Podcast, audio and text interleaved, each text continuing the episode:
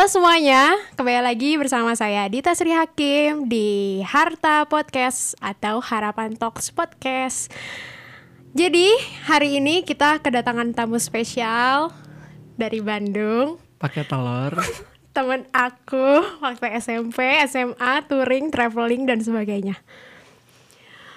Dan hari ini kita bakal bincang-bincang soal diversity of tanah air beta. Agak berat ya. Bersama siapa nih? bersama siapa nih Bersama Ricky Antonio.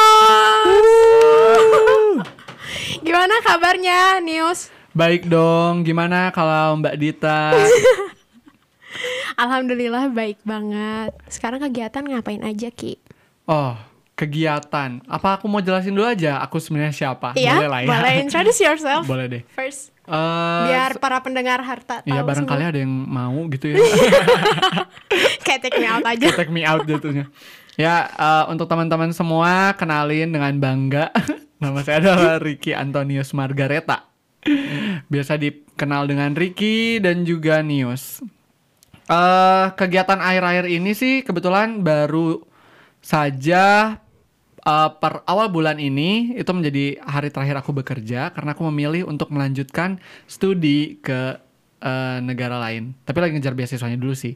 Udah keterima, Mantap, mantap. udah keterima. Tapi kalau nggak ada beasiswa sih mikir-mikir ya jatuhnya. Soalnya super mahal. Jadinya lagi ngejar dulu beasiswanya. Ya semoga aja. eh, Amin. amin. Bisa eh, dapat beasiswanya.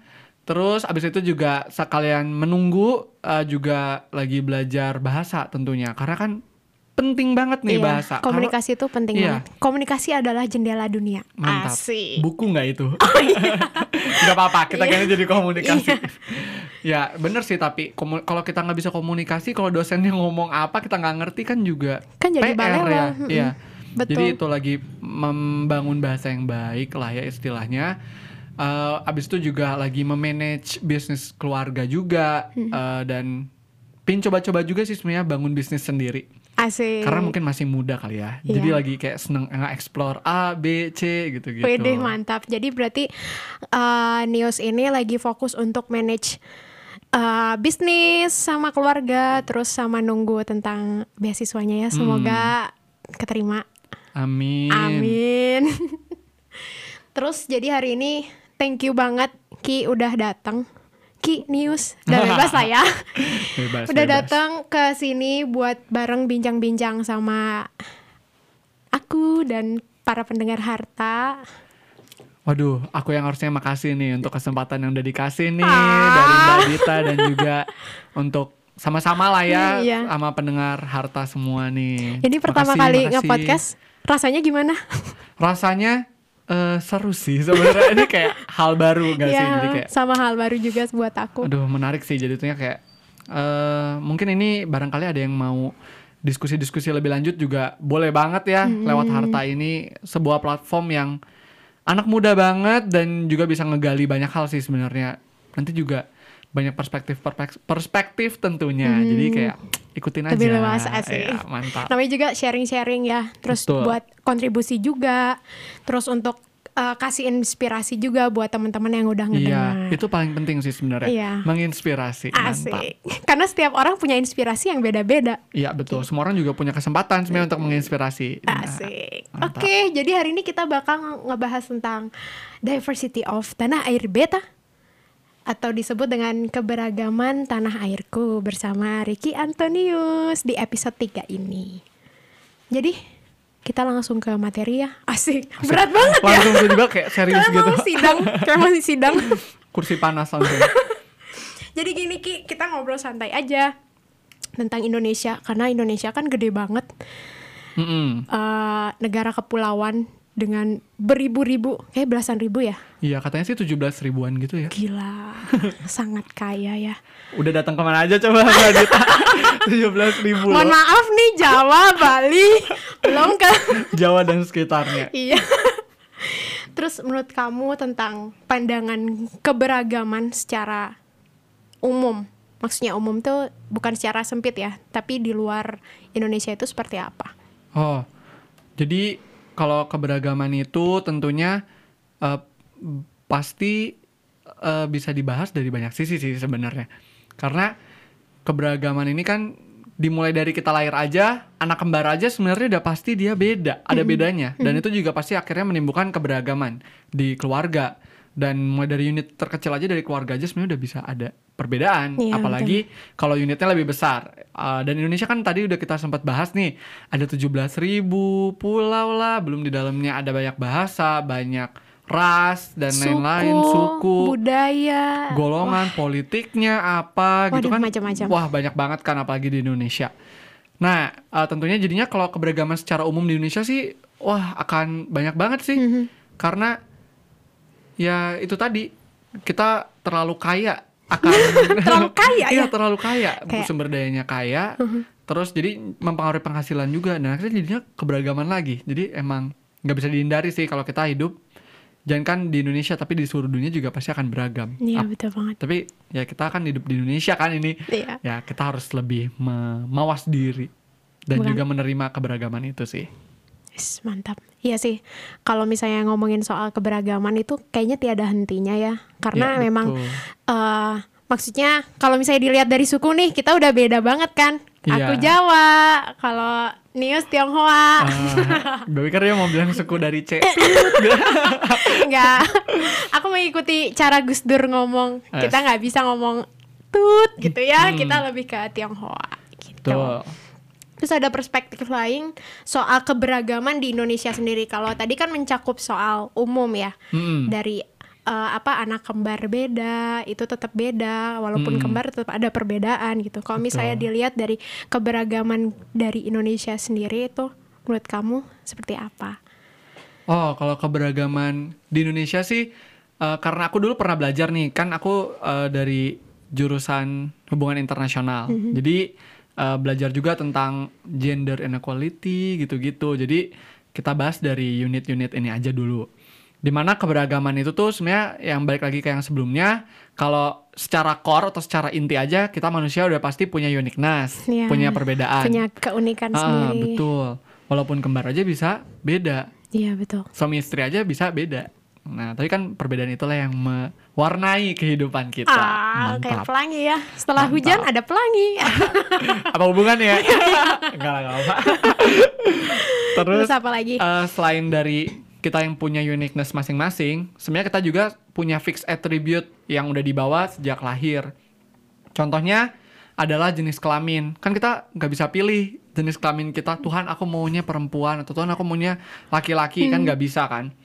Terus eh, secara usia juga ya kalau udah tua ya tua aja gitu, Iya. muda ya muda aja. Itu kan emang udah istilahnya kesempatan yang dikasih oleh Tuhan. Lalu kita juga bisa perbedaan secara ras apalagi nih di, di Indonesia kan banyak banget rasnya kan ya.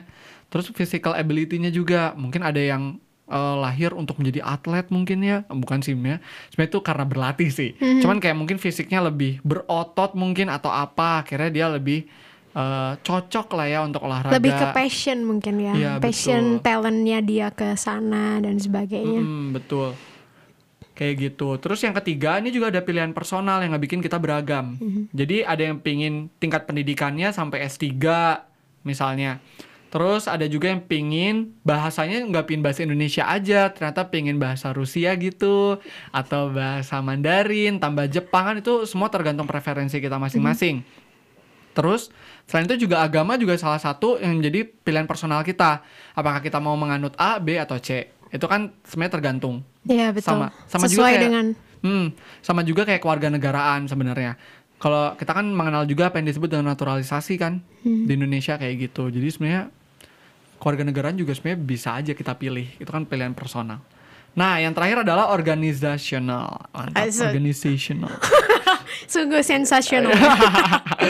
itu eh, karena eh, mm, apa ya lingkungan kita bekerja mungkin kita kan bisa bekerja sesuai dengan eh, kita maunya di mana waktu kita bekerja juga terus kita juga bisa pilih politik kita kita mau condong ke 01 atau 02 misalnya Asik. kayak gitu Waduh, waduh, waduh, eh waduh. ini udah deket pemilu enggak ya 2024 ya udah udah ya udah udah enggak. Udah enggak kan ya? Iya. Iya gitu, takut juga nih. Terus juga security kita juga beda. Misalnya ada yang merasa secure kalau dia harus dikelilingi 10 bodyguard misalnya. Mhm. Tapi ada yang ngerasa secure asal dia udah makan aja udah secure. Kan itu kan beda kan ya. Itulah Iya. yang membuat kita keberagamannya berbeda gitu. Ih, mantap. Makanya tuh apalagi kita 17.000 pulau. eh Lebih dari wilayah. sepuluh ribu bahasa. Eh, no no no. I think ratusan. I ah. forgot about that.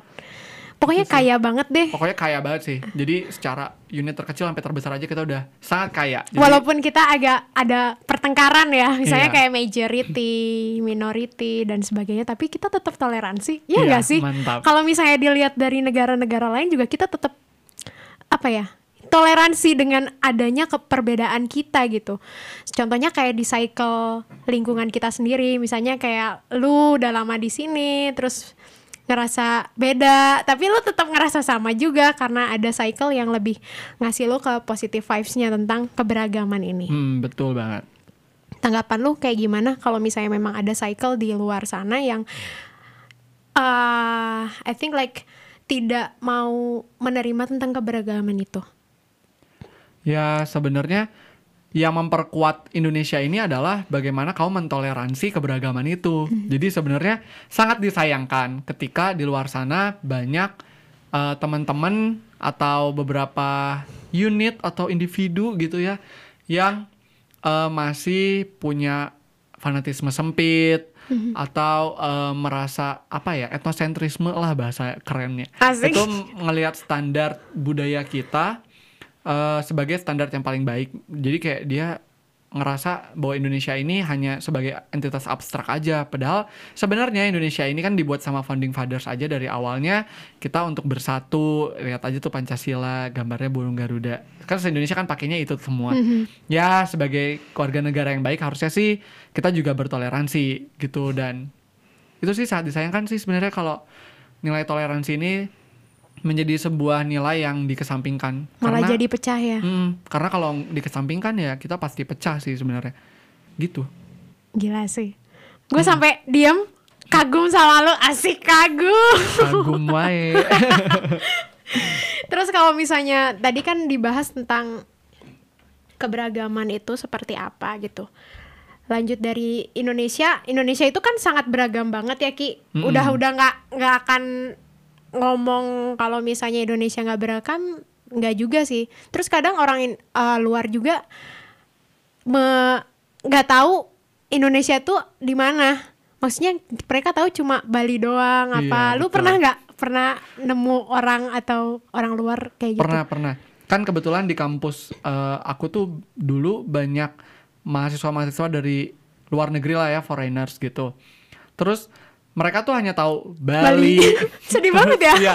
Atau enggak ya sekarang udah lebih mendingan sih. Mhm. Udah lebih tahu kayak Jogja. Sekarang mereka udah tahu Yogyakarta. Pingin ke Yogyakarta atau enggak ke Danau Toba. Tapi mereka tuh nggak tahu itu tuh Medan gitu loh. Mereka cuma tahu oh, Iya. Danau Toba. mau balik. Udah cuma tahu gitu doang. Tapi kayak Nggak tahu city-nya apa. itu? Iya, Nah. dan uh, penduduknya itu kayak gimana? Mereka tuh kurang tahu sih sebenarnya. Gitu sih.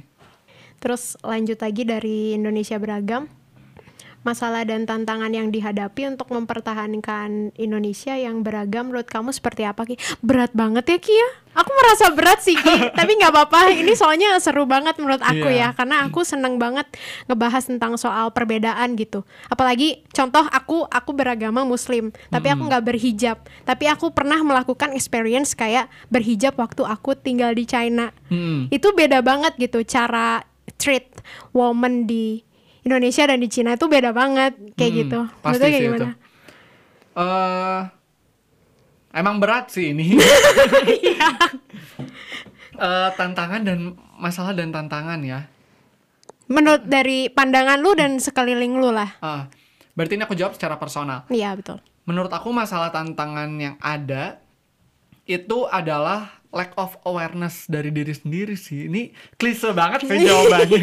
Lack Tapi kayak memang nggak bisa dipungkiri bahwa lack of awareness bahwa kita adalah beragam itu tuh masih terlalu sempit dan terlalu sedikit di Indonesia menurut aku karena eh, aku juga udah sempat ke beberapa kota di Indonesia eh, di Sumatera, Kalimantan, Jawa. Wah gua eh, kalah Ki. Hmm, sama Bali. Tapi kan kamu ke luar negeri nih.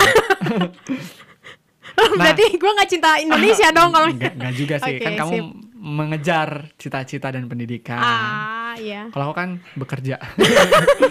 nah, Lanjut, Ki. dari situ tuh lack of awareness-nya tuh masih sangat tinggi. Mhm. Jadi mereka kurang peduli gitu tentang eh, apa ya kayak pendatang tuh mereka kayak ngerasa ih foreigner gitu-gitu padahal kita satu Indonesia gitu loh. Mhm. Eh, terus karena itu tuh terjadi fanatisme sempit sih menurut aku. Jadi mereka ngerasa karena mereka nggak pernah mengenali dan juga mempelajari serta memahami apalagi mengenal aja belum apalagi mau memahami Mendengar aja nggak mau Iya, karena kayak fanatik. gitu. Iya. Jadi mereka sempit dan akhirnya fanatismenya sempit berujung pada eh, nggak mau bergerak aja gitu. Jadi Mhm. kayak nggak mau mengetahui apa yang terjadi sebenarnya di luar sana. Padahal sebenarnya kalau kita mau kenal sekeliling kita, mau kenal secara personal preferensi seseorang, Mhm. kenapa dia memilih A, B dan C, alasan di belakang kenapa dia memilih suatu hal kayak gitu Hmm. tuh menarik banget karena pasti akan membuka pikiran kita. Iya, Itulah betul. yang membuat kita menjadi open minded menurut aku.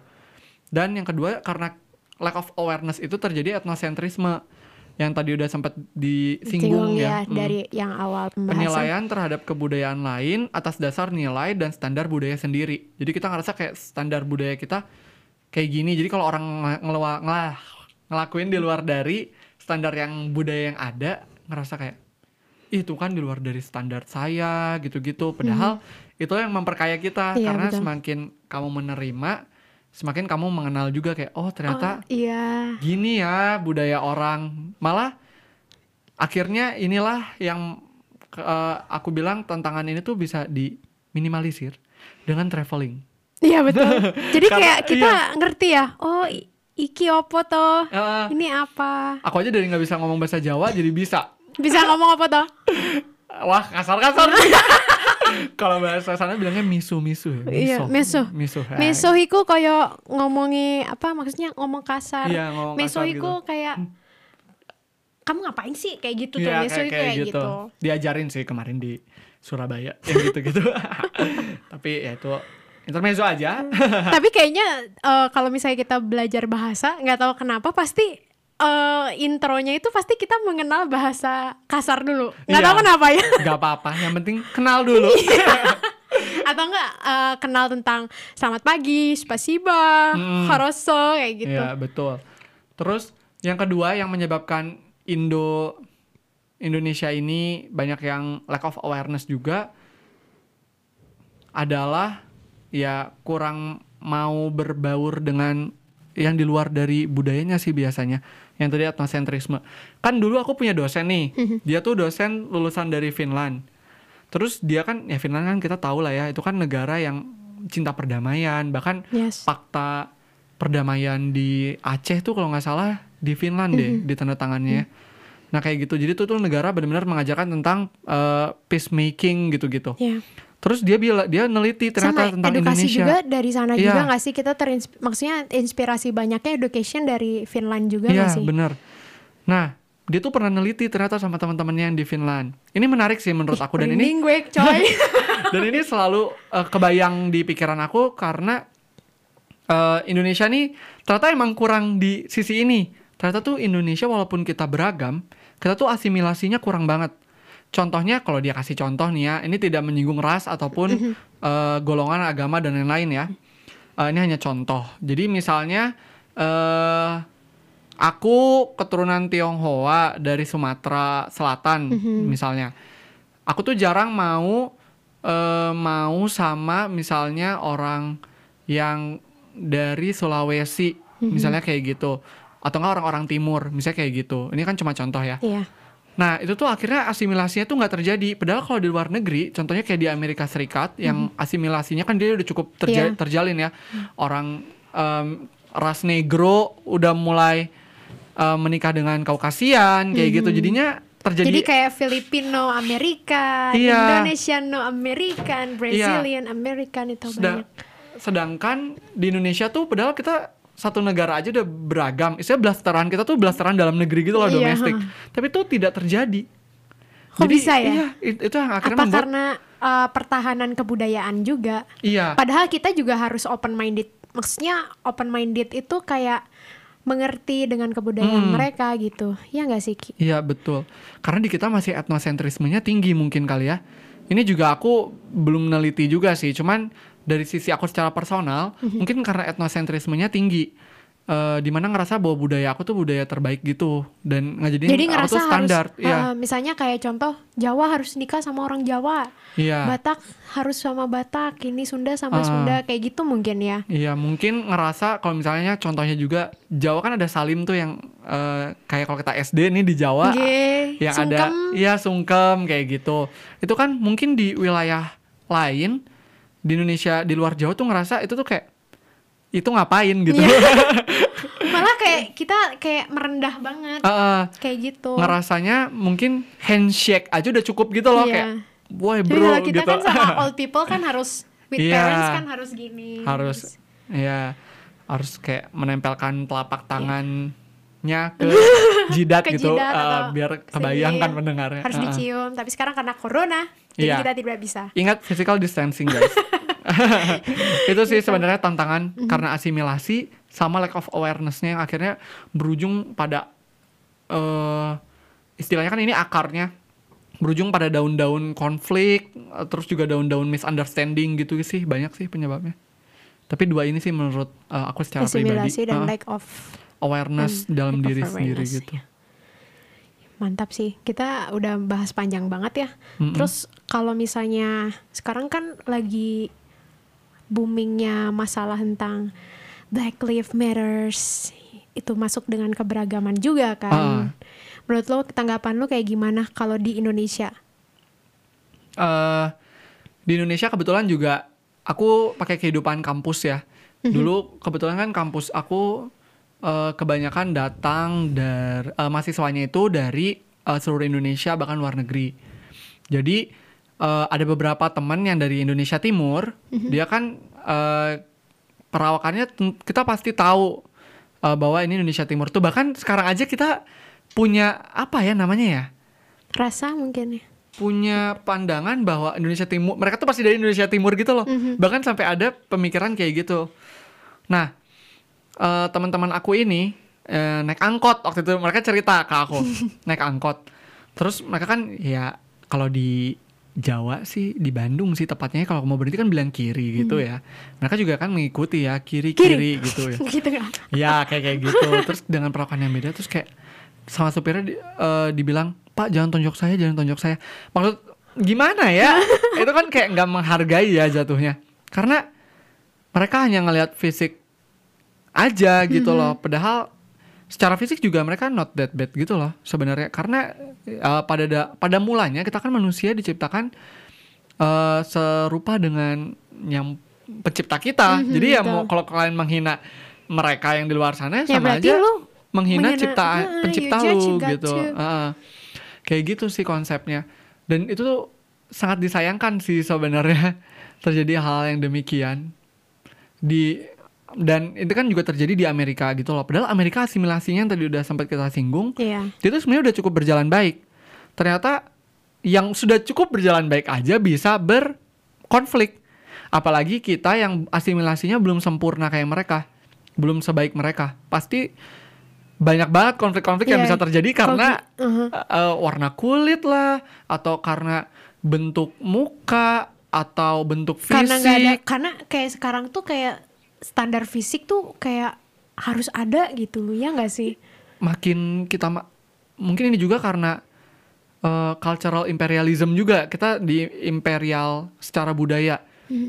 Nggak bisa dipungkiri kayak uh, uh, bahwa mancung kayak orang Kaukasian adalah ba- ganteng atau cantik Iya, baik iya. gitu ya. Kita mikirnya. Karena itu jadi standar kita gitu nggak sih di Indonesia? Iya, betul, betul. jadi kalau pesek kayak pesek pesek gitu. Padahal kayak iya sama-sama menghirup udara dari lubang Iya, hidung iya. gitu loh kayak itu nggak jadi masalah gitu loh Iya. sebenarnya Ya, padahal gitu kita sih. semua sama hanya berbeda aja ya karena Mm-mm. keber- keberagaman itu tadi gitu secara fisik aja bisa menimbulkan masalah apalagi eh, secara kita punya preferensi pribadi contohnya perspektif aku sukanya politiknya misalnya A ada yang B pasti itu juga bisa menimbulkan masalah gitu loh dari perspektif aja udah bisa Iya. konflik gitu ya dari perspektif belum kita juga ada tantangan secara fisik juga banyak sih di Indonesia nih secara agama apalagi kan di kita ada agama besar yang harus dipeluk di KTP itu loh Iya, karena betul. belum bisa masukin kepercayaan-kepercayaan kecil. Nah kayak kayak gitu sih. Jadi eh apa ya masih banyak tantangan-tantangannya sih. Mungkin nanti akan selain Black Li- Black Lives Matter akan muncul yang lainnya gitu kan ya. Tadi Kita sih yang paling penting adalah toleransi sebe- sih Iya. sebenarnya iya. menjunjung tinggi toleransi, Betul. memanusiakan manusia seutuhnya. Asik. Mantap. Kalau kata Patrick Vieira Benar-benar tapi itu. kemarin, iya sih. Kalau misalnya soal perbedaan dan oh iya soal kesetaraan juga, Hmm. menurut tuh kayak gimana ki? Kan sekarang- Kesetaraan secara gender berarti. Iya, berat. Iya betul. Ya kesetaraan gender juga di kita di Indonesia sih menurut aku masih eh, rada timpang ya masih ada ya pasti sih ketimpangan itu pasti ada ya. eh kita juga nggak bisa pungkiri bahwa kita masih cukup patriarki Mhm. dan matriarki matrilinealnya itu masih kurang karena ya sulit untuk mendapatkan keseimbangan. Terus secara gender juga kita masih cukup asing dengan gender di luar pria dan wanita. Karena kan kalau kita ke Thailand tuh ada berapa ya? Katanya ada 17 gitu ya. Berarti kan mereka cukup open dengan eh, gender dan sekarang juga. Tapi menurut aku udah lebih baik sih dari sebelumnya.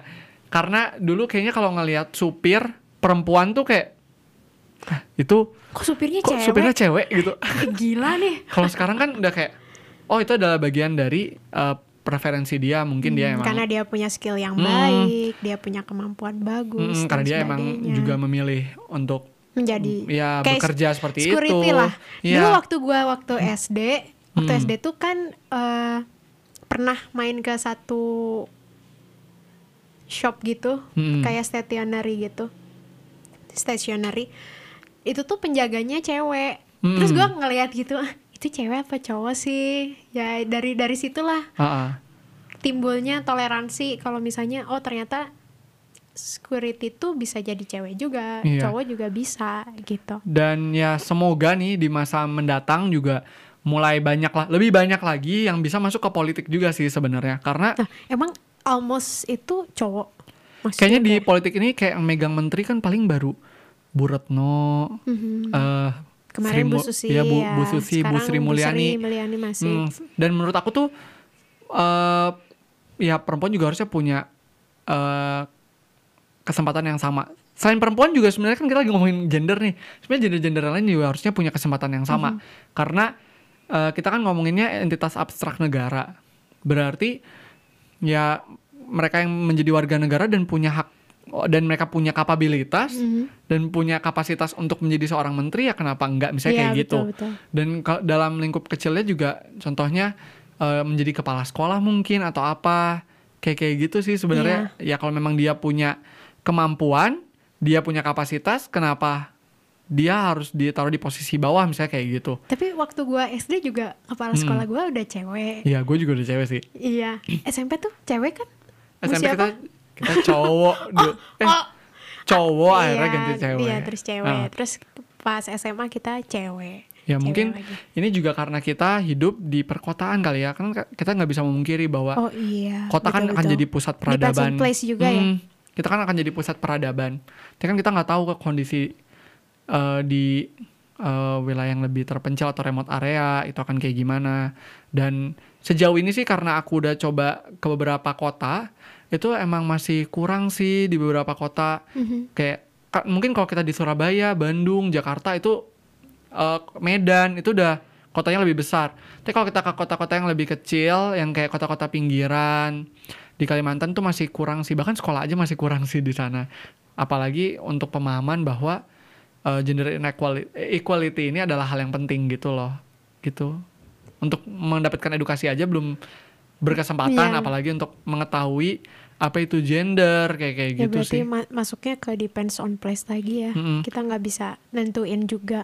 Terus kadang kita, misalnya kayak volunteer-volunteer dan orang-orang yang mau ke pedalaman untuk membuka tentang keberagaman juga banyak juga gitu. Tapi ternyata kadang ada yang nggak kejangkau, ada yang kejang, ada yang nggak kejangkau, ada yang kejangkau juga. Contoh kayak ada teman gua, dia dokter, terus eh, mereka nggak bisa ke pedalaman itu gara-gara eh, cuma karena belum ada administration terus susah eh, apa susah komunikasi dan sebagainya itu juga kayaknya masalahnya dari situ juga gitu Iya. Jadi emang penting sih eh, untuk membangun di kesetaraan gender gini dan juga kesetaraan-kesetaraan lainnya. Yang tadi itu sih eh, toleransi, terus eh, juga bisa eh, dimulai dari diri sendiri juga sih untuk membangun dari unit-unit terkecil kita juga dan juga untuk eh, kalau misalnya kita menjadi volunteer itu hal yang baik banget sih sebenarnya. Hal yang sangat-sangat baik di masa-masa sekarang eh, di mana kita bisa berkontribusi juga kan untuk kehidupan eh, teman-teman yang lain yang di luar sana biar bisa mengetahui apa itu kesetaraan gender Iya, betul. dan juga banyak sih sebenarnya mengetahui tentang sanitasi juga karena kan di Indonesia masih kesetaraan penting. gender tuh udah dari zaman dulu ya Iya itu udah menjadi masalah udah dari kapan? udah jadi momok zaman dulu gitu Iya. maksudnya kayak gila sih sampai sekarang masih ada maksudnya antusiasme untuk campaign tentang apa kesetaraan gender itu masih kerasa banget sampai sekarang walaupun Hmm. udah seiring berjalannya waktu dengan cara berbeda juga tetap masih jadi sebuah masalah gitu. Iya. Ya itu sih kalau untuk kesetaraan gender. Terus di Indonesia juga eh, lebih ke sara nggak sih? Maksudnya kayak suku, agama, ras, eh sama apa satu lagi kan jadi lupa. Suku, Ada agama, ras, antar golongan. budaya. Antar golongan. Oh Nah, ya antar golongan. Itu juga kan jadi maksudnya di sini juga masih eh, apa jadi masalah krusial juga kan. Contohnya kayak eh, zaman 98 itu yang pembantaian. eh, terus kayak zaman waktu di Ambon Poso. Nah kebetulan tuh kemarin kan aku sempat eh, kontribusi juga di salah satu buku eh, untuk Yusuf Kala tentang Mhm. Wih, perdamaian. mantap. tentang Ya perdamaian. gue gue sempet lihat ini sih gue kayak antusias banget wah gila lu udah ke- ketemu sama Pak Yusuf Kala dong berarti Udah, udah sama Iya. ya, puji Tuhan berkesempatan sama dua temen eh, aku sih kita tulis bareng. Eh, kita tuh jadi sempat neliti tentang Ambon dan Poso. Ternyata tuh penyebabnya, padahal mereka secara suku itu sama, secara ras juga sama. Ternyata agamanya yang berbeda oh di sana tuh kasusnya. Nah, tra- terus kita teliti-teliti ternyata secara agak ternyata nggak cuma agama, ternyata ada golongan antar golongan juga antara ekonomi ting- eh, menengah atas, yang menengah bawah. Jadi ngerasa kayak tidak mendapatkan keadilan kayak gitu akhirnya menjadi masalah kayak gitu. Jadi emang masalah sara ini eh apa ya? suku, agama, ras antar golongan. Nah, itu tuh kalau misalnya nyala aja satu api itu tuh bisa menyalakan api-api yang lain gitu loh kalau di Indonesia dan emang dibutuhkan orang-orang yang bersedia menjadi peacemaker sih sebenarnya. Kayak contohnya kan Yusuf Kala tuh kemarin, Pak Yusuf Kala maksud saya. Pak Yusuf Kala mau eh, turun langsung ke Iya, sana untuk beliau- membantu kayak membantu. Aceh juga kan. Dulu eh, kemarin-kemarin sempat ada gerakan Aceh Merdeka.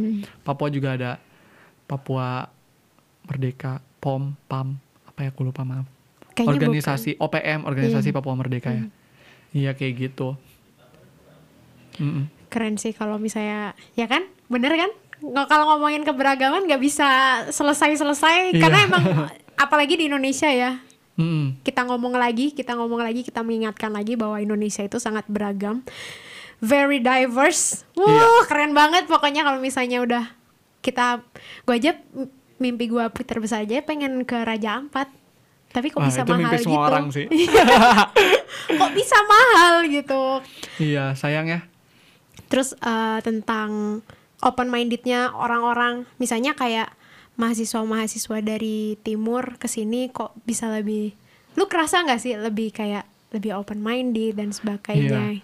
karena lebih mereka pintar. iya Aku ngerasa gitu sih. Aku sebenarnya ngerasa, mereka lebih pintar eh nggak bisa bilang gitu juga sih Iya. sebenarnya karena mungkin mereka lebih karena ya, tiap orang beda-beda ya, Iya. maksudnya. Tapi eh, rata-rata lah yang gua temuin tuh orang-orang sana tuh pintar semua. Iya, sebenarnya eh, mereka emang jauh dari pusat peradaban di Jawa kan. Kita kan Jawa, kita nggak bisa pungkiri ya. Sekarang kan masih Jawa sentris ya. Pusat peradabannya ada di Pulau Jawa. Tapi mereka tuh sebenarnya orang Timur juga bisa pintar karena teman aku tuh bahasa Inggrisnya dari Papua pintar banget dan mereka juga ternyata di sana banyak ekspat kan. Jadi mereka udah terbiasa untuk bergaul dengan ekspatriat. Eh, terus eh, ya gitu berkomunikasi dalam bahasa Inggris banyak hal yang mereka bisa explore. Sedangkan kita kan kalau di Jawa terbiasa untuk bergaul dengan eh, resas yang se Indonesia mungkin. Dan akhirnya uh, open mindednya masih secara domestik. Ta- tapi memang kita juga butuh pikiran yang lebih terbuka lagi sih sebenarnya untuk eh, kan kita juga hidup di dunia yang sekarang globalisasi kan ya Iya, istilahnya. betul.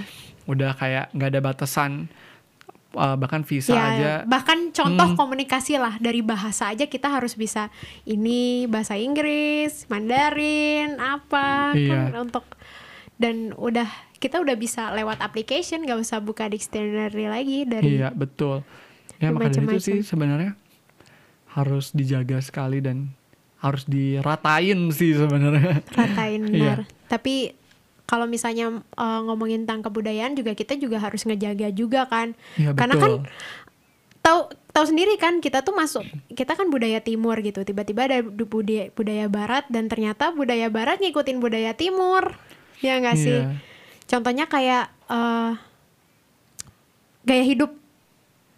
Gaya hidup kayak misalnya makan nih Hmm. biasanya kita bawa kendi zaman dulu kan bawa kendi bawa apa Hmm. sekarang diganti dengan tumbler dan semua yang bagian uh, apa unit Eropa itu Hmm. mereka ngikutin zero waste dan ternyata tuh budaya timur budaya Asia tuh dari dulu udah nganut zero waste maksudnya Iya. kayak udah sirkular sirkularnya juga sama tapi kok kita malah ngikutin budaya barat yang sebenarnya Hmm. kita realize itu lebih baik gitu Iya sih, karena emang untuk me- mengambil nilai positif dan negatif dari budaya itu emang banyak banget sih. Mhm.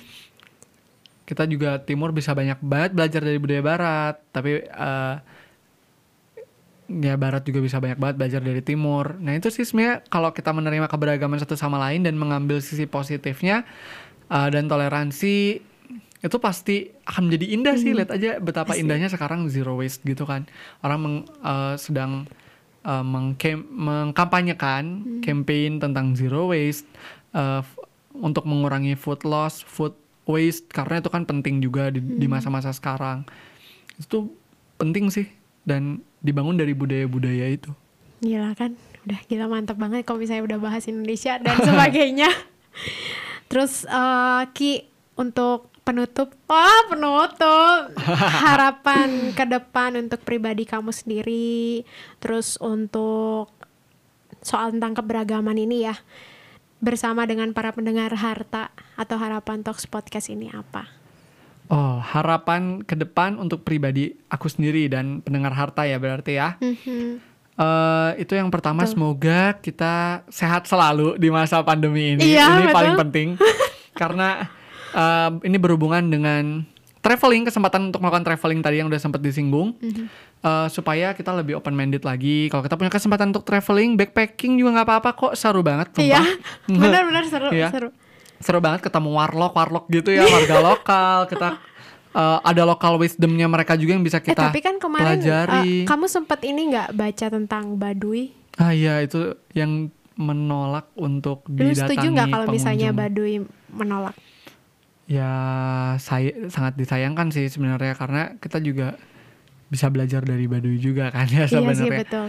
Eh, tapi ya kita juga harus tahu kenapa eh kita juga harus mau tahu kenapa eh, mereka menolak dan itu sih yang aku kurang baca banyak ya sebenarnya Iya. kan itu harus basisnya research gitu sih kalau Iya, misalnya benar. nanti aku research coba kita bahas lagi Iya, nanti kita bahas lagi ya. Iya.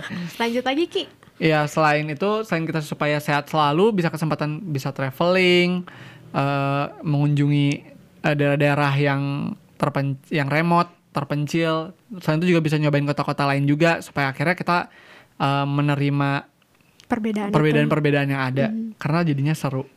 Habis itu juga eh, semoga kita menjadi agen-agen peacemaker ya. Eh, mulai dari lingkup ken- kecil, Kayak mulai dari agent of per- change lagi nggak sih? Mantap, iya betul. itu yang digalakan oleh SDGs, ya. Mhm. Sustainable Development Goals. Eh, itu yang diharapkannya dimulai dari unit-unit kecil aja dari keluarga, dari kita berteman, pacar, keluarga, asimilasinya dijaga aja, lack of awareness-nya, dikurangi etnosentrismenya, ya respect ya. respect, penting menghargai. Ya kan kita sama-sama manusia eh, pada hakikatnya ya udah kita terima aja, kita toleransi. supaya kita bisa berdampak uh, mulai dari lingkup kecil dan semoga kita dipercayakan Tuhan untuk uh, menjadi agen-agen yang lebih besar lagi di masa mendatang. Mantap. Ya mungkin aja nanti datang uh, apa kayak men- apa ya kayak NGO-NGO yang dari Indonesia karena kita kan kita kan sumber Iya. keberagaman kan. Ya semoga bisa Tapi terkena komunitas bisa kita termasuk pakai. banyak juga tahu. Ya kita sangat berkembang Hmm, sih iya, Indonesia. betul. UMKM juga kita berkembang. Pokoknya kita Indonesia ini berkembangnya pesat banget Wis, sih. mantap. Terus apa Eh, lagi Ki? dan semoga teman-teman semua bisa menginspirasi juga eh, teman-teman yang lainnya, eh, keluarga dan unit lainnya dan semoga juga sih podcast kita ini bisa juga menginspirasi teman-teman semua mantap. dan juga menginspirasi diri kita sendiri sih sebenarnya supaya nggak lupa bahwa keberagaman itu indah. Asik. Thank you Ki untuk hari ini News. Oke. Ki, News. Thank you juga Dit. Terima kasih banget untuk hari ini. Semoga para pendengar harta dapat ambil dampak baiknya, terus bisa bermanfaat. Betul. Jangan lupa untuk selalu bermimpi, berbagi, dan berkarya di tiap hari. Iya. Terus uh, bisa berdampak positif juga untuk teman-teman semuanya sekeliling kita, sesama kita, mau dari kemanusiaan, hewan, tumbuhan semuanya karena kita semua berkesinambungan atau bergantung. Betul. Asik. Dengan saya Dita Sri Hakim, Dengan saya Ricky. jangan lupa untuk follow dan share podcast ini kepada teman-teman kalian semua. Semoga ini menjadi bermanfaat. Dan salam optim Indonesia, one share, one life.